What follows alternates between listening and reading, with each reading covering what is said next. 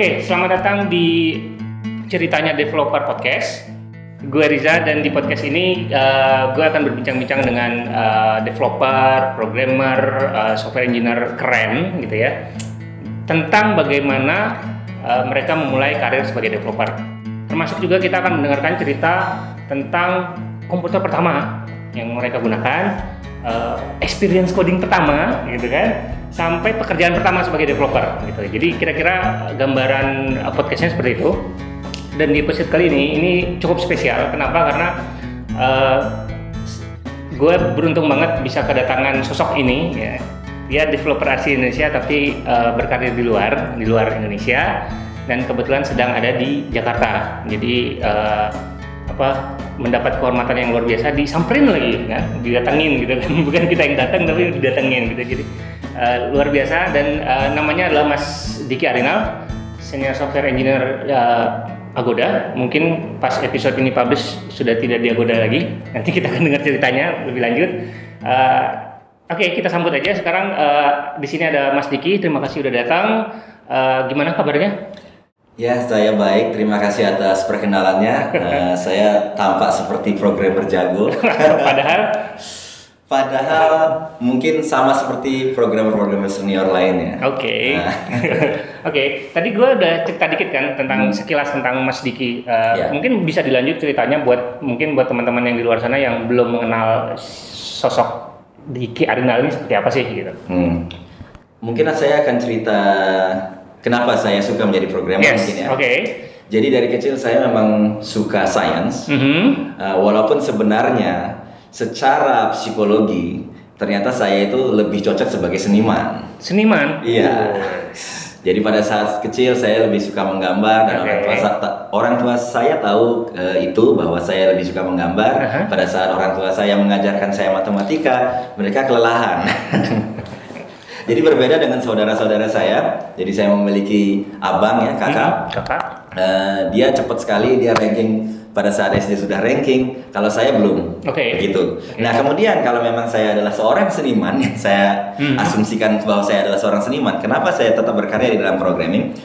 Uh, ternyata saya ini menyukai science in general. Hmm. Gitu. Nah, alasannya uh, karena saya menyukai keeleganan okay. yang ditawarkan oleh sains seperti matematika dan fisika. Nah, kimia saya kurang jago ya. Yeah. Biologi? Apalagi? Biologi apalagi. Oke. Okay.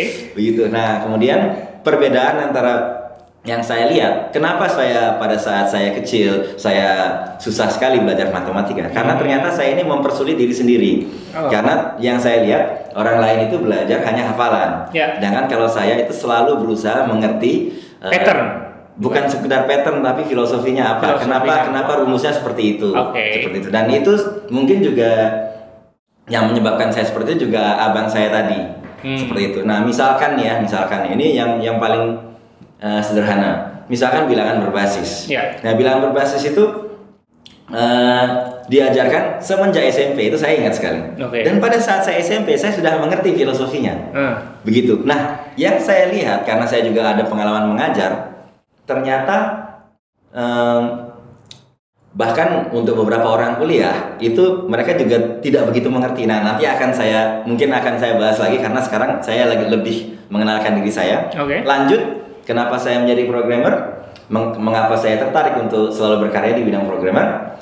Um, akhirnya pada saat itu, ya ketertarikan saya di science itu uh, lanjut ke ketertarikan saya di programmer karena saya tidak uh, bekerja sebagai fisikawan profesional okay. ataupun scientist profesional. Akhirnya ya karena saya lulusan computer science, makanya saya tetap berkarya di computer science dan saya uh, ya karena passion saya di situ ya kebetulan okay. kemudian saya uh, tetap belajar belajar sendiri dan suka mengoprek sampai saat sampai ini. saat ini. Ya. Oke. Okay. Uh, pertama kali coding itu kapan? Ya, jadi saya bukan pertama kali coding, tapi pertama, kali, kali mengenal, mengenal coding, coding itu sekali lagi dari kakak saya. Hmm, jadi kakak saya, kita dulu pas masih kecil suka main game. Umur berapa tuh? SD, SMP? Uh, SD. SD. SD. Oke. Okay. Nah, kemudian saya lihat kakak saya sudah belajar pemrograman itu sejak kelas 4 SD. Oh, itu belajar wow. sendiri. Belajar sendiri. Ya, basic ya dulu. Basika kalau nggak salah namanya. Komputernya apa? PC ya, PC. Ya, itu PC, PC XT. XT. Ya. 8088. 8088. Dulu OS-nya apa tuh? Win, udah Windows belum ya? Belum, itu DOS. Belum ya? Masih DOS ya? Masih DOS. Oke. Ya. Dan Terus? ke- kemudian saya sama sekali tidak tertarik karena pada saat saya masih SD, saya masih memiliki pikiran bahwa belajar itu susah. Hmm. Gitu, belajar apa pun. ya. Oke. Belajar apa pun termasuk belajar komputer. Jadi ngapain sih belajar-belajar? Mending yang di sekolah aja gitu. Iya, iya, Dan iya. itu pun saya tuh kesusahan. Oke. Nah, jadi saya tetap melanjutkan saya suka main game. Suka main Sedangkan kadang-kadang karena komputernya satu, ya, kadang-kadang kakak saya yang eh, merebut dalam tanda kutip merebut dan kemudian dia Dia eh, ngoding. program coding. Oh. Dia belajar sendiri eh, Basic eh, ya? basic kemudian Pascal, Pascal, kemudian oke. C++ dan sebagainya. Jadi bahasa pertama yang Mas Diki belajar bahasa apa? Akhirnya pernah Pascal. waktu Pascal. itu. Ya. Itu di SMP atau Pada saat sudah kuliah. Pas Pada saat sudah kuliah, Oke. ya. Pada saat saya SMP, saya pada saat saya SMA saya juga masih, Masih- ngapain gitu mau belajar pemrograman. Masih nggak mau. apa. Ya, mau. Oke. Karena saya dulu ketertarikannya lebih ke fisika pada saat saya SMA. Oke. Ya. Dan eh, masih apa? Jadi jadi jatuh cinta sama dunia coding akhirnya sampai sekarang masih jadi programmer gitu ya? Iya betul. Ya. Ya tadi ya apa yang cerita tentang eh, elegansi dan lain-lain Iya gitu betul. ya? Ya. Motivasinya lebih ke sana. Hmm. Oke. Nah kita lanjut. Tadi udah komputer pertama, terus eh, programming language pertama. Hmm. Ingat nggak dulu pertama kali bikin aplikasi, bikin program itu bikin apa? Ya, jadi dulu eh, di kampus eh, kebut se- sebenarnya begini. Jadi saya sudah lumayan mengenal Mm-mm. dari kakak saya itu Iya. karena dia lumayan suka proyek-proyek. Kadang-kadang dia suka menceritakan Oke. eh, bahwa oh dengan komputer ini loh cara kerja prosesor dan sebagainya waktu Ya, itu. ya, ya. Akhirnya karena itulah itu mungkin membangkitkan ketertarikan saya. Oke. gitu. Nah kemudian sekarang kakak saya sudah bukan programmer lagi. Oh gitu. Bukan, karena dia memilih untuk menjadi eh, staff, untuk menjadi karyawan Oke. di sebuah perusahaan BUMN. Sedangkan saya masih lebih Program. suka ya di bagian Eh, teknis. Jadi berbalik sekarang ya? ya berbalik ya betul. Oke. Program pertama yang dibikin waktu itu? Ya itu cuma sekedar aplikasi-aplikasi sederhana ya. Sederhana. Misalkan eh, input eh, itu mainly konsol. Konsol Ya, ya. kemudian input, kemudian Ya. eh, menghitung luas, kemudian Oh, Eh, belajar for, belajar loop dan sebagainya. Pada saat itu Pascal dan dan saya waktu itu karena mainly saya dulu bukan computer science ya. Bukan computer Jadi saya science. pernah kuliah, kemudian saya pindah kuliah ceritanya. Oh, Nah, pertama tapi- kuliah di mana? Di Eh, saya waktu itu di Teknik Fisika ITB. Teknik Fisika TB. Ah. Terus Nah, pindah nah, ke Akhirnya, akhirnya saya pindah ke Binus. Binus.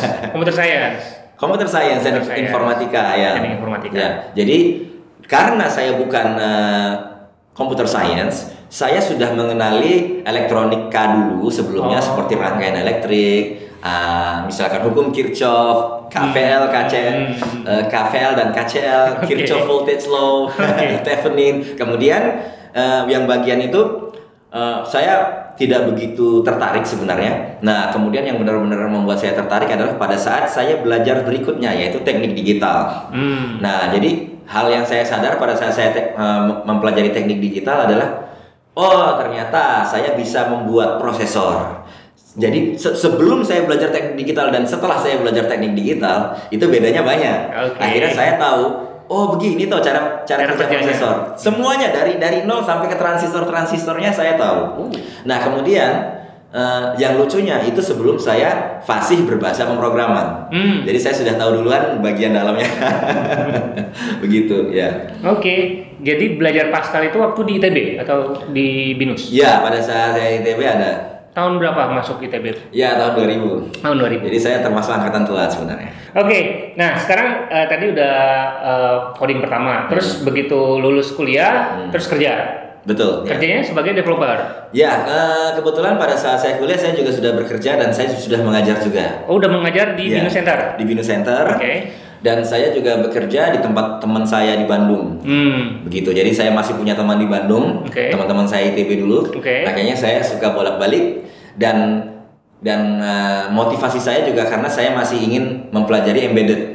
Embedded Jadi system. saya punya teman-teman di sana yang dia mengajari saya tentang 8 pin embedded. Oke. Nah, makanya akhirnya eh, di situlah akhirnya saya meng- menggabungkan eh, pemahaman tentang pemrograman Hmm. dengan embedded. Nah, jadi eh, pertama kali lulus kuliah terus bekerja itu sebagai software engineer atau sebagai apa? Oke, gaji pertama saya adalah pada saat saya mengajar di Binus Center. Jadi Oke. saya sebagai instruktur. Sebagai instruktur ya, bukan justru bukan sebagai developer Bukan, ya. bukan. Oke. Yang pada saat itu eh, ketemu Sofian di sana ya. Akhirnya saya ketemu Sofian di sebuah Oke. komunitas eh, komunitas hacker di Komunitas di hacker. Binus Center. Iya, dulu dia kalau nggak salah teknik industri ya, si Dia Sofian teknik, ya. teknik industri. Oke. Nah, Dia juga cerita bahwa dia sebenarnya udah lulus teknik fisika, tapi entah kenapa akhirnya dia lebih Ya. memilih Universitas Bidang Nusantara. Iya, jadi eh, sedikit cerita di balik itu adalah jadi eh, Mas Diki ini ternyata adalah eh, early mentornya Sofian ya, Sofian Hadiwijaya ya. Pasti teman-teman pada tahu ya, CEO-nya Warung Pintar. Ya. Gitu. Dan Sofian sekarang eh, jauh lebih sukses dibanding saya. Ah. Sukses itu relatif. Relatif ya. Oke, nah terus abis dari Binus Center terus kerja di Bandung ya, sempat kerja sama Iya, temen. iya, iya. Eh, terus boleh cerita nggak eh, apa eh, perjalanan karirnya hingga sampai sekarang? Ya, nah kemudian saya juga termasuk orang yang suka belajar sendiri. Yang Oke. pada saat itu juga saya eh, yang mengenalkan saya tentang bahwa pemrograman itu ada yang namanya desain pattern dan sebagainya Hmm. adalah pada saat itu ada yang namanya komunitas Microsoft Indonesia. Oke. Itu yang membuat Agus Kurniawan Hmm. dan teman-teman. Jadi di situ ada para MVP MVP. Dulu saya rajin datang. Oh kayak meetup meetup gitu ya? Meetup ya. Oke. Dulu di di Microsoft Indonesia Uh-huh. setiap mungkin sebulan sekali Oke. ada prasmanan dan itu juga pada saat itu saya masih mahasiswa itu adalah salah satu motivasi lain kenapa saya datang. Iya, perbaikan gizi ya. Akhirnya dari situ saya tahu tentang eh, arsitekturing, Hmm. arsitekturing dari segi coding ya. Jadi bukan bu, saya tidak mengatakan arsitekturing dari segi eh, infrastruktural, tapi lebih ke bagaimana cara membuat layer-layer di dalam coding. Misalkan Oke. ada yang namanya user interface layer, ada yang namanya Database. business logic layer, database Oke. layer dan sebagainya. Oke. Akhirnya saya belajar di situ, ada desain pattern dan kemudian saya juga belajar-belajar sendiri. Ada yang misalkan yang namanya domain driven design. Nah ini saya akan cerita sedikit ya. boleh, boleh, boleh. Ka- karena begini, karena eh, saya belajar OOP. Mhm. Pada saat saya pertama kali belajar OOP, saya bikin game. Oke. Jadi game eh, tiga dimensi, eh, pakai DirectX. Oke. Seperti itu di baik di C++ dan baik di C Sharp. Jadi pada saat itu C Sharp juga ada bindingnya ke DirectX. Waktu itu antara 9 dan 10 saya lupa. Nah, intinya saya merasa sudah jago karena wah saya mem- saya sudah membuat OOP dan saya sudah implementasikan di dalam game maka saya sudah bisa OOP seperti itu. Hmm. Nah kemudian saya mencoba untuk mengaplika- mengaplikasikan OOP di dalam aplikasi bisnis Oke. di mana saya ingin misalkan ada kelas employee, kemudian ada kelas misalkan sales, line Ya. item sale dan sebagainya. Invoice gitu ya. Dan ternyata saya mengalami kesusahan pada saat itu. Oh, jadi implementasi OOP di bisnis Bisnis malah malah menurut saya lebih susah Lebih karena susah. begini. Karena kalau di game itu struktural banget ya, misalkan ada namanya sprite. Ya. Nah, sprite itu misalkan ada karakternya, jadi Ya. karakter itu turunan dari sprite. Sprite Ya. itu ada draw dan sebagainya. Iya, iya, iya. Oke. Sedangkan kalau di dalam dunia dunia bisnis logic itu tidak ada strukturnya dan itu abstrak kan. Abstrak. Nah, kemudian kadang-kadang kita cenderung untuk membuat itu menjadi struktural padahal tidak perlu. Kadang-kadang seperti itu. Hmm. Nah, akhirnya saya ketemu buku namanya Domain Driven Design by Eric Evans. Mhm. Nah, itu salah satu yang mengubah juga. Oke. mengubah hidup saya. Mengubah, mengubah hidup. Iya. Gimana bisa mengubah hidup? Apa yang di- dilakukan oleh buku itu terhadap Mas Diki?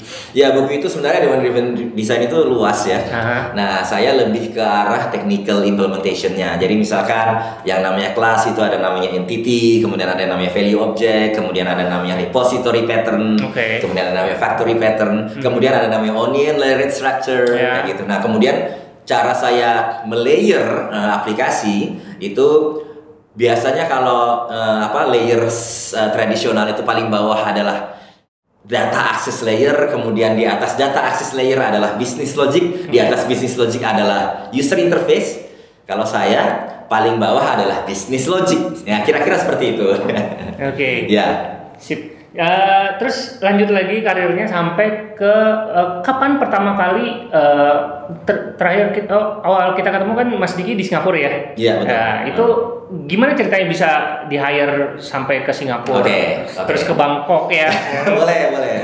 Oke, nah jadi saya akan cerita lagi tentang pengalaman yang beda saya. Oke. Jadi begini, jadi perusahaan teman saya itu adalah tentang maintenance machine, Eh, seperti itu. Nah, alat yang akan kita buat adalah uh, di dalam mesin tersebut ada sebuah sensor untuk mendapatkan vibrasi dari mesin seperti itu kira-kira. Oke. Nah kemudian dari mesin tersebut kita anali kita dapat signalnya dari um, signal vibrasinya, kemudian kita rubah menjadi istilah itu spektrum ya. Jadi tadinya time base menjadi spektrum dan sebagainya. Intinya untuk dilihat apakah mesin ini masih sehat atau tidak. Oke. Nah kira-kira seperti itu. Nah dari situ sebenarnya untuk membuat alat itu tidak begitu susah hmm Karena kita menggunakan Windows C pada saat itu, mm-hmm. Windows C, kemudian kita tidak usah memikirkan hal-hal yang ada di dalam operating sistemnya. Yeah. Kita tinggal bikin aplikasi yang jalan di atas operating system. Nah, yang membuat saya jadi tahu sebenarnya cuma curiosity saya. Jadi bukan karena untuk membuat alat itu membutuhkan pengetahuan ini, tapi murni curiosity. Okay. Jadi, jadi pada saat itu saya sedang membaca-baca buku tentang Windows CE, mm-hmm. kemudian saya melihat tentang layoutnya. Ya, misalkan pernah nggak kita memikirkan kita ada mem kita ada memori, ada alamatnya memori itu ada alamatnya yeah. dari alamat 0 anggap aja sampai alamat 3 32 giga, anggap yeah. aja seperti itu. Nah, kemudian itu isinya apa aja sih? Hmm. Berarti misalkan maksud saya misalkan oh dari alamat sekian sampai alamat sekian itu misalkan program A, yeah. dari alamat sekian sampai alamat sekian itu program B, okay. kemudian dari alamat sekian sampai alamat sekian itu untuk operating sistemnya. Hmm. Kira-kira seperti itu mappingnya itu seperti apa sih? Hmm. Nah, gara-gara saya melihat mappingnya ternyata saya cukup cukup kaget bahwa ada sebuah magic di situ.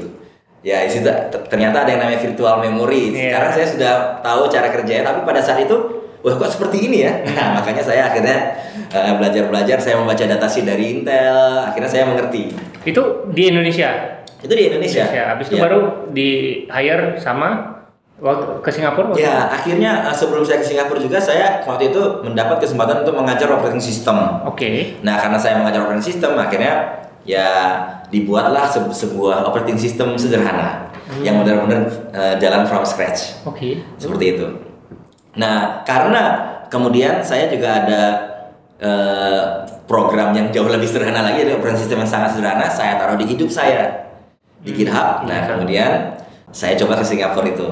Gitu. Oh, itu dia approach-nya gimana? Apakah lewat GitHub itu atau apa? Bukan. Apply atau gimana? Ya, saya waktu itu apply. Apply ke perusahaan apa? Ke sebuah perusahaan namanya Drop Suite, ya Drop My Site. Hmm, ya. Okay. Di sana uh, sebagai di sana sebagai software engineer. Software engineer. Ya. Dan alasan saya mau ke sana karena pada saat itu saya mau menjadi skala engineer. Skala engineer. Ya, jadi pada saat okay. itu karena orang-orang pada mengatakan big data dan sebagainya, uh kemudian uh, skala sepertinya enak belajar skala dan saya sekali lagi saya suka keeleganan. Jadi kalau saya coding ya itu sangat um, istilah itu signature dari dari coding style saya adalah sangat rapi dan sesuai kaidah. Oke, okay, menarik nih. Jadi uh, dulu awal-awal belajar Pascal, hmm. terus sempat join juga meetup meetup Microsoft. Hmm, hmm. Terus sekarang kenapa Scala? Hmm. Kenapa ke Scala gitu? Ya, saya termasuk orang yang language agnostik ya. Jadi uh, apa pun bisa okay. gitu. Nah, tetapi uh, saya suka dengan keeleganan saya lagi. Hmm. Jadi saya lihat functional programming itu sangat elegan dan lagi-lagi kalau functional programming di real world mm-hmm. ketemunya akan sekali lagi. Akan skala. Ya. Oh, gitu. Oh, yang, jadi, yang saya tahu ya. Ya, oke. Okay. Jadi kalau uh, real world functional programming skala gitu ya. Ya. Oke. Okay. Itu ketemu functional programming itu pada saat uh, di hmm. uh, buku di, di, di itu atau bukan? bukan? Jadi sejujurnya sejujurnya pada saat minta-minta Microsoft itu. Oh. Jadi pada saat itu uh, diperkenalkan ada namanya C Sharp 3, di dalam uh. C Sharp 3 itu ada namanya Lambda Expression, kemudian saya uh. waktu itu apa itu yang namanya Lambda Expression dan sebagainya. Nah, kemudian waktu itu saya pertama kali tahu itu dari ada MVP namanya Norman Sasono. Sekarang dia kalau nggak salah CTO busy, ya. busy. Nah, jadi dia membuat saya aware bahwa ada yang namanya functional programming. Tapi yeah. saya akhirnya karena saya juga waktu itu coding C Sharp ya. Jadi uh, ada banyak juga proyek yang saya kerjakan dengan C Sharp dan saya sering juga melakukan functional programming di C Sharp. Ya, jadi functional programming itu sebenarnya mindset, mindset daripada bahasa sendiri. Ya, ya, paradigma. Ya betul. Oke. Okay. Ya. Menarik ya. Jadi uh, Padahal si Microsoft juga ada kan F, F Sharp. Betul, F Sharp. Ya, jadi pertama kali saya belajar F Sharp juga. F Sharp dulu? Ya, Oh. tapi tidak pernah real world. Real itu, world. itu hanya cuma mengasah aja. Oke. Mengasah. Belajar skalanya kapan? Oke.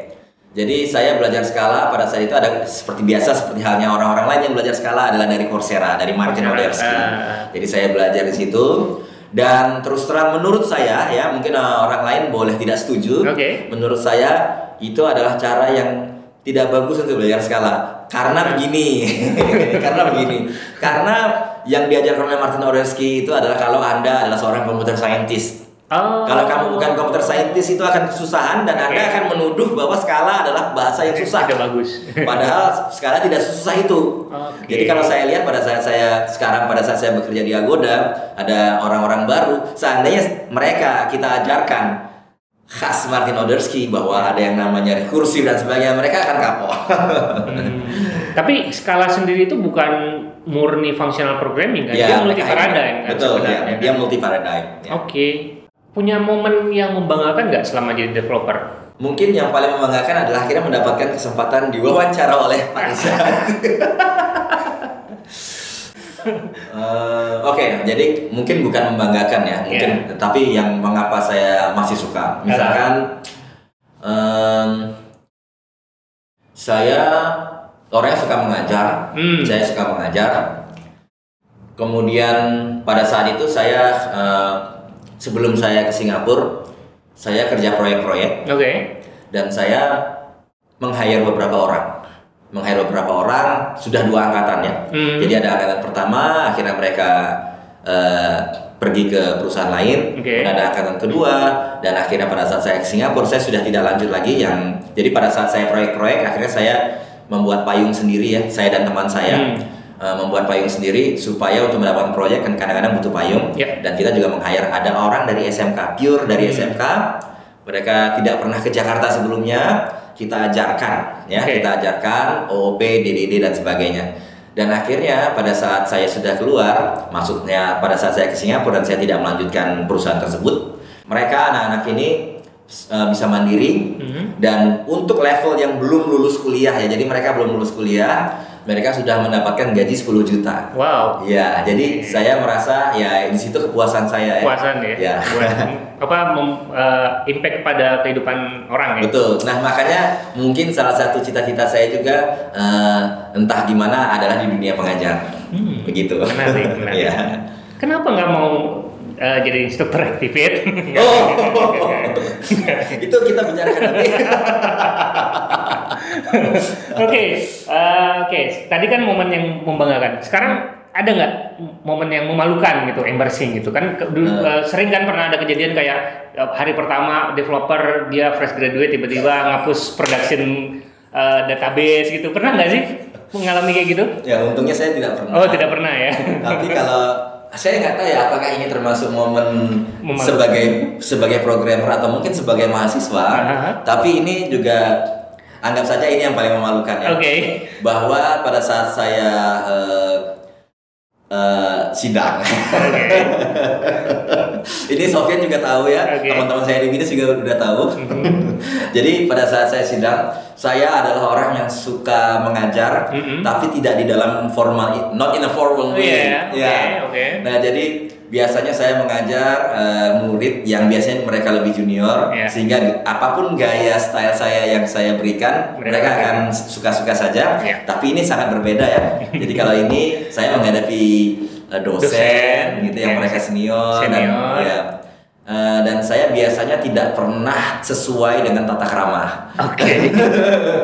Jadi pada saat saya pertama kali sidang, saya sudah di- saya lupa mengatakan eh, kepada yang terhormat Oh, gitu. eh, Oke, para dosen iya, seperti iya. itu saya sudah lupa. Aha. Terus terang saya lupa. Jadi se- sejujurnya tidak ada saya saya Tidak tidak. tidak pernah sengaja berbuat angkuh. Oke. Bahkan sebenarnya angkuh itu salah satu hal yang sangat saya anti, antisipasi dari diri saya itu beneran. Hmm. Saya melakukan hal itu yaitu saya tidak melak saya tidak mengatakan Greetings, gitu ya? Tidak greetings kepada mereka. Oke. Kemudian slide. Nah, saya adalah tipe pengajar yang lebih suka mencoret-coret Ya, eh, papan tulis Oke. daripada ada slide. Ya, Jadi pada saat ada slide, saya tidak tahu apa yang saya omongkan, tapi pertama kali kira-kira begini, saya akan eh, mencoba Eh, mensimulasikan. meniru, meniru, ya. Oke. Jadi, oke, saya akan mulai presentasi. Eh, jadi aplikasi yang kita buat ini tidak aneh-aneh. jadi saya benar-benar menggunakan kata-kata tidak aneh-aneh, nggak biasa aja. biasa aja. Oke. Oke, kemudian dan sebagainya, oke. Dan kemudian uh, kita next, kemudian ada slide berikutnya, bla bla bla. Kebetulan uh, yang slide uh, jadi pada saat itu saya di binus ada tiga orang ya, Tiga pada orang saat ya. saya Eh, ya, waktu itu apa kalau skripsi harus bertiga ya? harus bertiga. Harus bertiga. Jadi teman saya yang uh, membantu saya untuk next slide ya. Aha. Kemudian teman saya satu yang lain adalah ya yang membantu saya di hal lain. Oke. Jadi kita bertiga, kemudian Oke. saya mengatakan next, Aha. kemudian saya mengatakan next lagi, kemudian tiba pada saat slide yang mana sepertinya itu tidak begitu penting. Oke. Kemudian saya mengatakan Ini nggak penting. "Eh, nggak penting ini gitu kan. Terus kelihatan sekali ya teman-teman saya yang men- menonton saya itu garu-garu kepala. Oke, eh, dan itu masih belum klimaks ya karena pada saat akhirnya ada salah satu dosen sebenarnya mere- mereka dosen-dosen yang bagus ya. Hmm. dosen yang bagus dan very helpful. Mereka itu Oke. pada dasar saya aja ya pada saya itu lagi error. Kemudian saya dia mengatakan begini karena saya selalu mengatakan nggak penting dan nggak penting. Akhirnya salah satu dosen mengatakan "Eh, oh ini kalau nggak penting ini ya. Kalau nggak penting nanti saya per- saya tanya kamu dengan sesuatu yang penting. Langsung saya jawab silahkan pak. Oe nah itu adalah ya dan sebagainya jadi itu salah satu momen yang memalukan saya tapi saya belajar saya Oke. belajar itu pak Oke, skripsinya dapat apa waktu itu? oh tidak lulus pak Serius nggak lulus? Nggak, eh, sidangnya tidak lulus Sidangnya nggak lulus? tidak lulus Nah, akhirnya ada sidang ulang Sidang ulang. dan pada saat sidang ulang bukan saya yang lulus ya itu teman saya adalah Syahri yang kemarin eh, Oh, ya. oke, Syahri. Ya, ya, ya, ya. Oke, menarik sekali. Oke, eh, Mas Diki punya mentor nggak di awal-awal karir sebagai developer? sebagai developer ya Hmm. Atau waktu kuliah atau saya mungkin lebih tepatnya belajar dari buku ya sebab Belajar sebagian dari besar sebagian besar dari buku waktu itu awal-awal banget itu kakak saya awal-awal Mhm. banget kemudian dulu kita tinggal bareng satu kamar ya tapi kakak saya akhirnya sudah keterima kerja jadi dia tidak sekamar lagi Oke. jadi ya akhirnya saya lebih banyak belajar sendiri Hmm. dan saya termasuk orang yang kadang-kadang suka email ya jadi misalkan nanya siapa email dan Oh gitu. sebagainya, gitu. Oke. Nah, punya tips and trick nggak buat teman-teman developer uh, yang mendengarkan uh, podcast kita ini, Hmm. Uh, mungkin supaya mereka bisa jadi developer yang lebih baik? Hmm. Yang pasti kalau saya itu adalah passion ya pertama kali. Passion. Ya.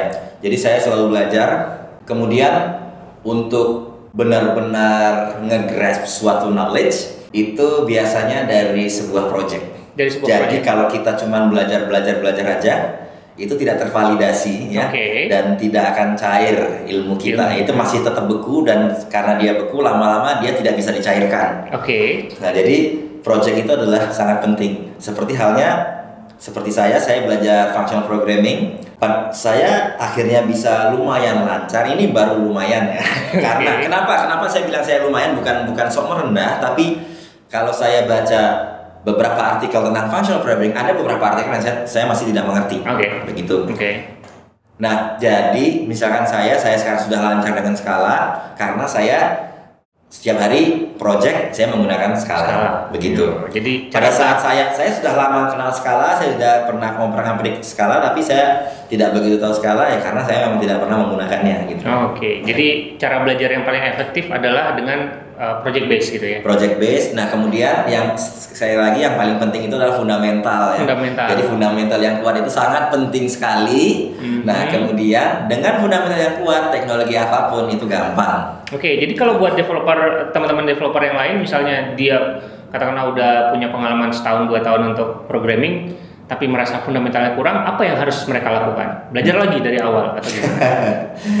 Ya mungkin ya ada beberapa hal yang mereka miss gitu ya misalkan OOP kadang-kadang Oke. kadang-kadang kalau saya suka ngajar ya eh, yang orang miss itu ternyata oh masih belum ngerti ya kenapa kok harus dibikin seperti ini, kenapa harus ada interface. Alasannya kenapanya itu masih belum ngerti. Alasan. Padahal mereka sudah membuat aplikasi-aplikasi tingkat lanjut. Oke. Gitu. Ternyata suka ada yang miss dan mungkin eh, makanya terkadang untuk mengikuti kelas-kelas seperti di aktif ini itu penting karena supaya tidak ada fundamental yang miss. Oke. Terima kasih shout out. Oke, tadi kita udah sebut beberapa sih. Eh, jadi eh, punya rekomendasi buku nggak buat teman-teman developer? Tadi udah ada eh, desain domain apa? DDD tadi ya. Terus apa lagi? Ada lagi nggak? Satu lagi lah gitu. Banyak ya. Banyak ya. Banyak. Saking banyaknya bingung ya. Iya.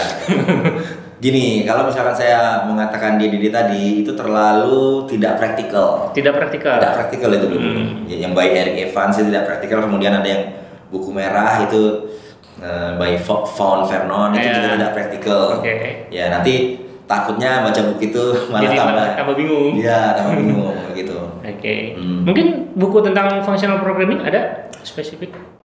Ya, functional programming. Sekali lagi kebetulan kalau functional programming saya memang benar-benar learn by doing ya. Learn by doing. ya? Tapi ya tetap saya oh ya sebenarnya yang saya suka tapi sekali lagi saya juga tidak menyarankan juga karena itu tadi karena ini untuk yang agak lanjut ya. Oke. Itu adalah eh, itu DDD juga. Oke. Tapi bagaimana menggunakan DDD di dalam functional programming? Aha. Nah, itu by Devesis Ghosh.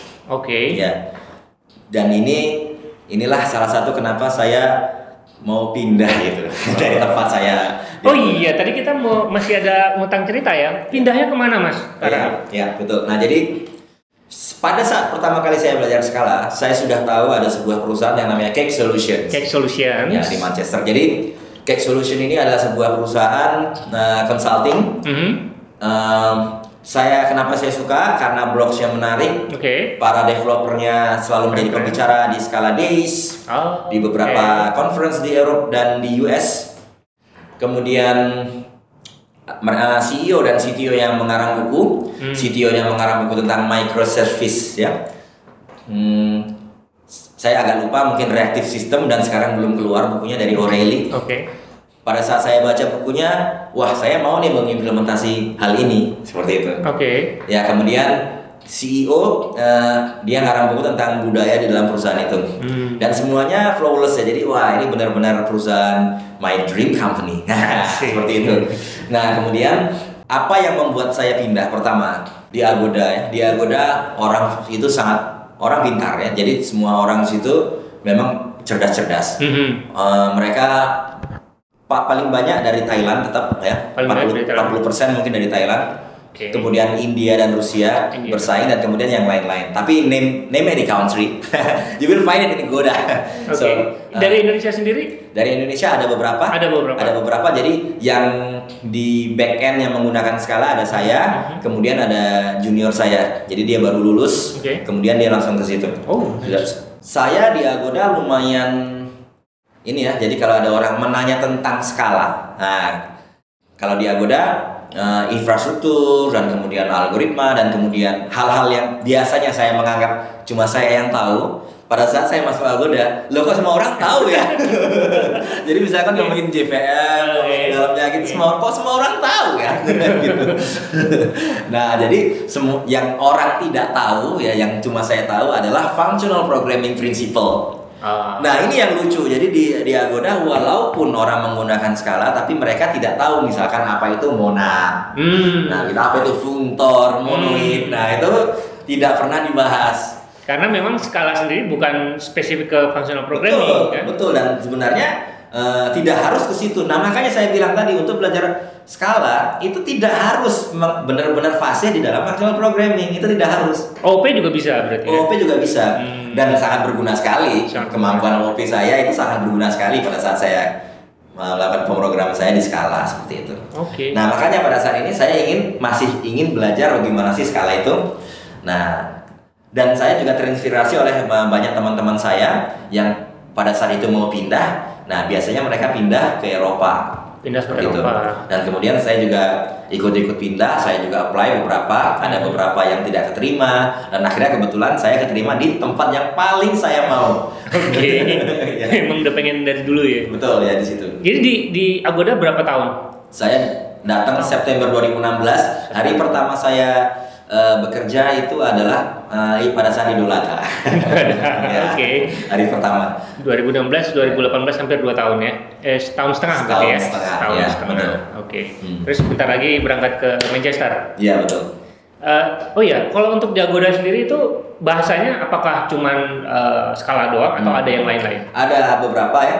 Jadi dulu Agoda itu semua mereka semua menggunakan .NET dulu. Semua .NET. Oke. Eh, Hampir semuanya .NET. Kemudian akhirnya beberapa ada yang migrasi skala, ada juga yang Go. Ada yang Go. Saya tidak tahu ya apakah ada Java, Mhm. tapi sepertinya ada, tapi saya kurang tahu di bagian mana. Dan Agoda itu sangat besar sekali ya, jadi saya tidak tahu ada apa aja di belakang itu. Kalau ada teman-teman developer yang pengen kontak Mas Diki gitu, Hmm. kira-kira cara yang paling eh, paling dap- bagus yang mana? Apakah email Hmm. atau Facebook, LinkedIn? Boleh dari email. Email. Emailnya apa? Dari LinkedIn. Nah, email saya adalah nama saya. Mhm, ya. Diki Arinal. Titik arinal at gmail.com. At gmail.com Ya. atau dari LinkedIn. Dari LinkedIn juga boleh. Ya. Di search aja ya gitu. Ya, di search saja. Sip. Ya. Oke. Hmm. Terima kasih banyak Mas Diki. Sama-sama waktunya. saya merasa menjadi orang penting Iya. sekarang dari wawancara. Wah. Eh, sukses terus buat karir dan kehidupannya. Ya, terima kasih Mas Riza. Jangan lupa pulang ke Indonesia. Oh iya pasti, pasti. Ntar kabar-kabarin kalau pulang ke Indonesia nanti kita take podcast lagi. Oke, boleh, boleh. Oke, itu aja eh, untuk episode kita eh, kali ini. Sampai jumpa di episode berikutnya. Bye. Oke. Eh,